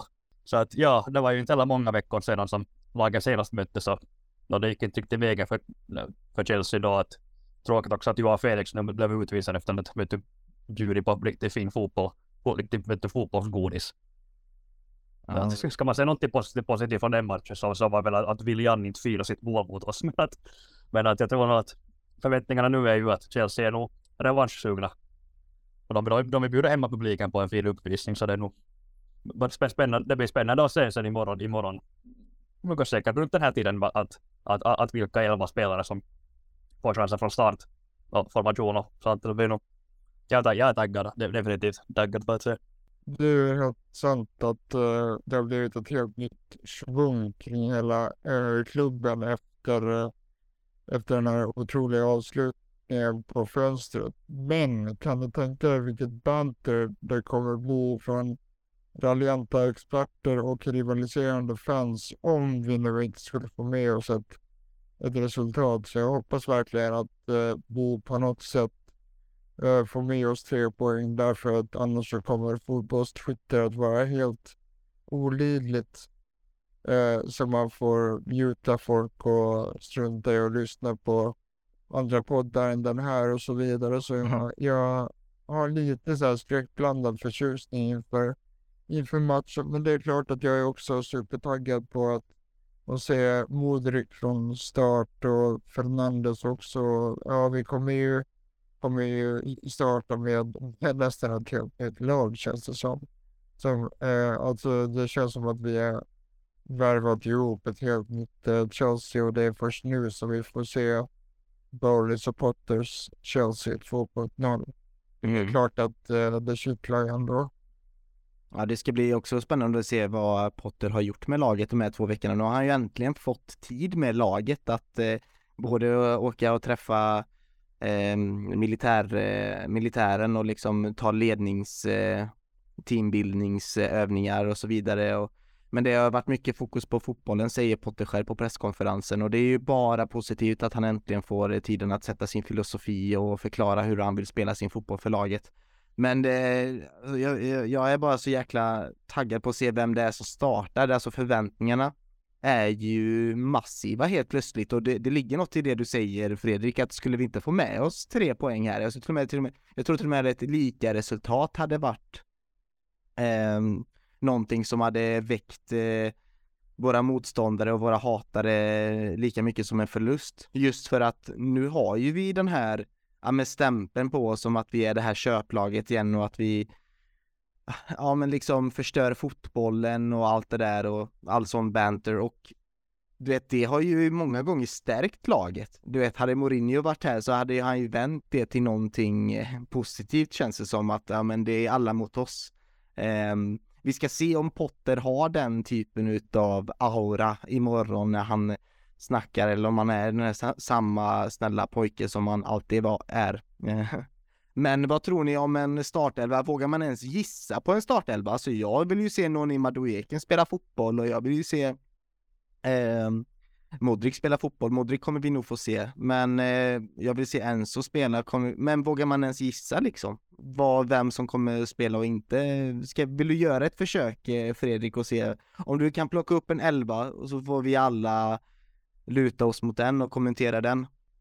Ja, och vi kan göra ett försök. Eh, Keppa är ju självskriven i mål, inte minst för att eh, man blir skadad. Eh, sen hoppas jag faktiskt eh, att eh, Rhys James inte startar. Bara för att, eh, för att vi ska se till att han inte slår upp någon skada nu utan eh, vi ska skynda långsamt med både honom och Chilwell. Så jag tror att, eh, att eh, startar till höger. Sen så eh, tycker jag att mittlåset är också ganska självskrivet med eh, Thiago Silva och eh, Badiashil. Sen eh, tror jag att vi får se Kokorea från start med ett inhopp från eh, Chilwell också. Eh, jag tror att vi kör en fyrbackslinje ska tilläggas. Sen är det väl lite svårt. Eh, en så hoppas jag startar och sen skulle man kunna tänka sig att det blir... Kovacic är skadad, det ska ju nämnas, det glömde vi säga. Ja. ja. Så möjligtvis att vi får se Mount där. Sen till höger så tror jag att det är tänkt att vi ska spela Sterling, men det kanske blir eh, Hakim Ziyech istället. Och eh, sen så får vi se eh, Nani Madueke med ett inhopp. Eh, sen tror jag att vi får se, om jag 17 spelar vi på offensiva mittfältet nu då. Det blir, blir Mount. Ja. Ja, eller, eller, eller ska man gissa på att Havertz får chansen där. Och sen till vänster då så vill jag se Modric från start. Och eh, längst fram i anfallet så blir det väl kanske eh, Aubameyang just för att eh, hålla honom nöjd och att vi har lite skador och avstängningar och andra frågetecken. Så det är väl ungefär den, den eh, elvan jag gissar på. Men det är inte helt enkelt som sagt. Och jag tror att eh, vi kommer få se Enzo eh, i en eh, roll på det defensiva mittfältet till vänster. Det är där hon har brukat utgå ifrån. Så jag tror att det är, det är så han kommer inleda sin Chelsea-karriär också. Men eh, ni får gärna komma med era inspel också. Jag gillar elvan och jag hade faktiskt bara gjort en ändring och det är Madueke till start istället för eh, Ziyech. Hade jag faktiskt gjort. Resten eh, håller jag med faktiskt. Ja, håller med att, Kepa, Kepa självklart mellan stolparna, mittlåset, Thiago Silva och Body Shile. Sen är det, är det just att det, det är för tidigt att sätta Reece James från start. Som vi minns hur det gick mot Bournemouth då, att man vill ju inte upprepa samma. Det skulle, det skulle vara riktigt tråkigt att man ska åka på en ännu längre skada. Sen, sen, men, ett- men jag tror att det blir en, en, en, vad, en 4, 3, 2, 1. Och det är nog det är nog det här, det defe, eller, eller Kai Havertz på topp och sen, och sen Mount och Mudrik som offensiva där. Men sen det här, mm, det här mittfältet där annars så självklart vill man ju, vill man ju se, vill man ju se Fernandes men, men sen kan det bli svårt att, att lite säga att vem som spelar med honom när Kovacic är borta. Kanske, kanske Hall får chansen från start. Han spela från start lite. Eventuellt Gallagher gjorde en helt okej insats mot Liverpool så det, det, blir, det blir spännande. Det, det är faktiskt jättesvårt att, säga, att säga exakt hurdan elva det blir imorgon men att, men att spännande att spekulera lite. Spekulera nog. Ja, Gallagher var en bra shoutout faktiskt. Det, han förtjänar nog att starta faktiskt. Han har gjort det väldigt bra tycker jag när han har spelat och det är ändå roligt är att vi har så många spelare som vi har värvat in och ändå så är det Louis Hall som kanske får starta en fotbollsmatch ändå. Det är lite ironiskt. Ja, jag tänker att vi låser eh, dagens podd med att eh, ge ett, eh, ja men vi ska tippa resultatet. Vi börjar med Rejao. Hur slutar matchen? Jag ser 2-1. 2-1 Chelsea. Eh, där vill de målskytt också. Gärna. Eh, jag tror Modric kontrar in ett mål.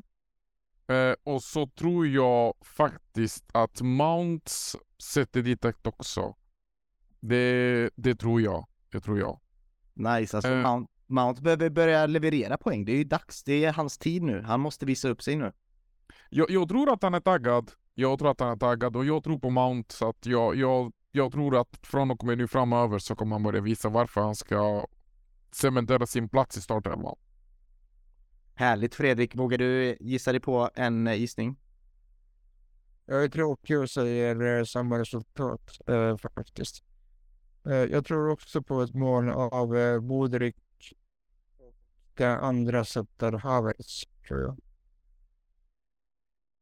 Alright eh, Thomas, då är det du kvar då. Mm. Jag säger faktiskt 3-1. Ja, Jag tror att Mudryk var jätte, jättepigg senast på en så pass, så pass svår arena att spela på som Anfield. Men nu har han hemmapubliken i ryggen så jag tror han kan göra två mål och sen sätta Havertz ett till och sen för Fulham så det måste jag bara säga att Mitrovic är en spelare som tidigare har öst in mål i Championship men inte riktigt fått det att fungera i Premier League. Men den här säsongen så mm. varje annat man, man har vet gjort 11 mål på 17, 17 matcher så jag tror den här Mit- Mit- Mitrovic kör Fulhams mål men att men att Chelsea, Chelsea, lämnar planen med tre poäng och en 3-1 seger. Okej. Okay. Jag tror vi håller nollan och sätter två baljer, så jag säger 2-0. Och eh, då får jag väl komma med någon så här udda grej. Jag tror att, eh, jag tror att Chalobah gör ett mål. Och sen tror jag att eh, Havertz gör ett mål. Det känns som en typisk sån eh, eh, fin seger på Stamford Bridge. Eh, men ja, vi får se imorgon. Jag är supertaggad i alla fall. Jag hoppas ni som lyssnar också är det. Det är ju väldigt spännande tider eh, just nu för oss eh, Chelsea-fans. En snabb grej bara. Eh, något som blir intressant att se är vem som kommer bära kaptensbilden om inte Aspilicueta startar. För nu, nu har ju Jorginho lämnat så eh, den här vicekaptensplatsen är ju up for grabs. Eh, och detsamma gäller ju eh, vem som blir vår första straffskytt nu också. Så det är två intressanta frågor som kanske får sina svar redan imorgon.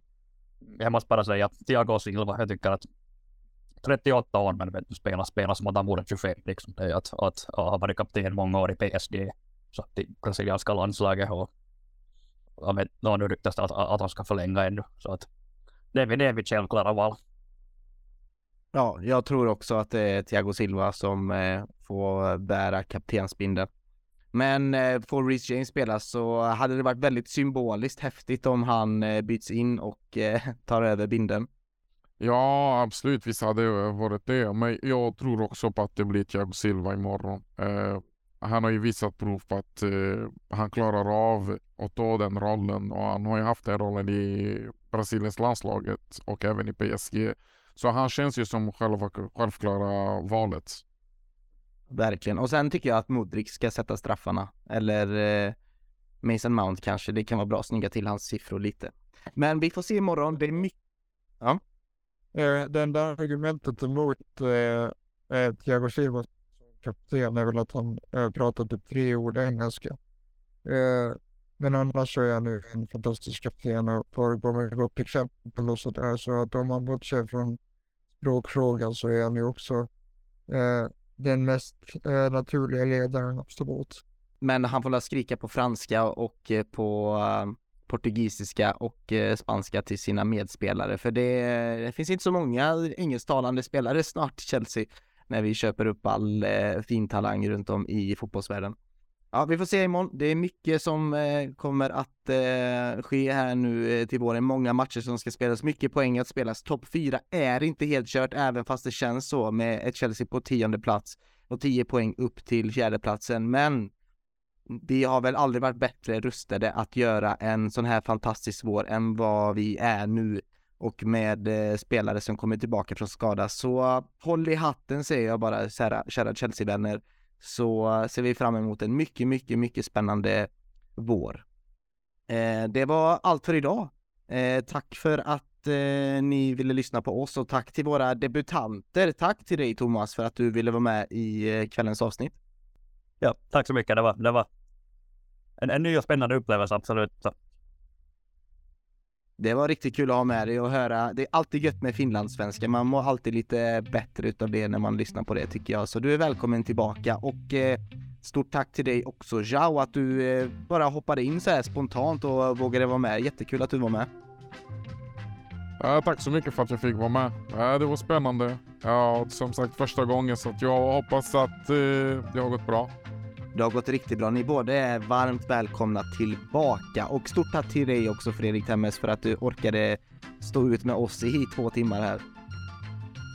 Tack så mycket. Det var ett eh, sant nöje och eh, ja, bra jobbat till debutanterna absolut. Det var, det var...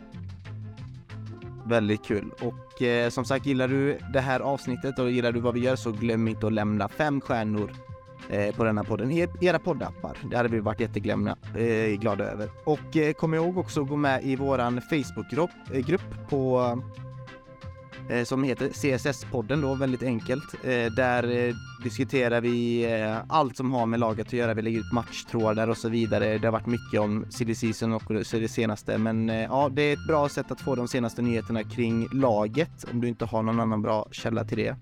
Och så kan jag rekommendera också att gå med i vår Discord då som när ni vill chatta lite mer med våra andra Chelsea-fans runt om i Sverige och eh, ja men snacka live om matcherna och så vidare kan man också göra där. Um, ja, och glöm inte den här medlemsresan nu till Brighton. Så gå in och ansök om biljetter om du inte har gjort det ännu och kolla flygbiljetter. Det finns, eh, finns bra priser på det har jag sett. Gå även in på vår svenska fans på svenskafans.com snedstreck England snedstreck Chelsea där du kan ta del av matchrapporter, analyser och krönikor. Och jag vill bara rekommendera Olle Langes text där om eh, ja, men den här värvningsstrategin. Eller han gör egentligen en utvärdering av Chelseas januarifönster. Jag tycker det var väldigt välskrivet. Så gå in och läs den eh, ehm, texten utav Olle Lange. Eh, ja, det var det vi hade för idag. Stort tack igen för att ni har lyssnat. Keep the blue flag flying high.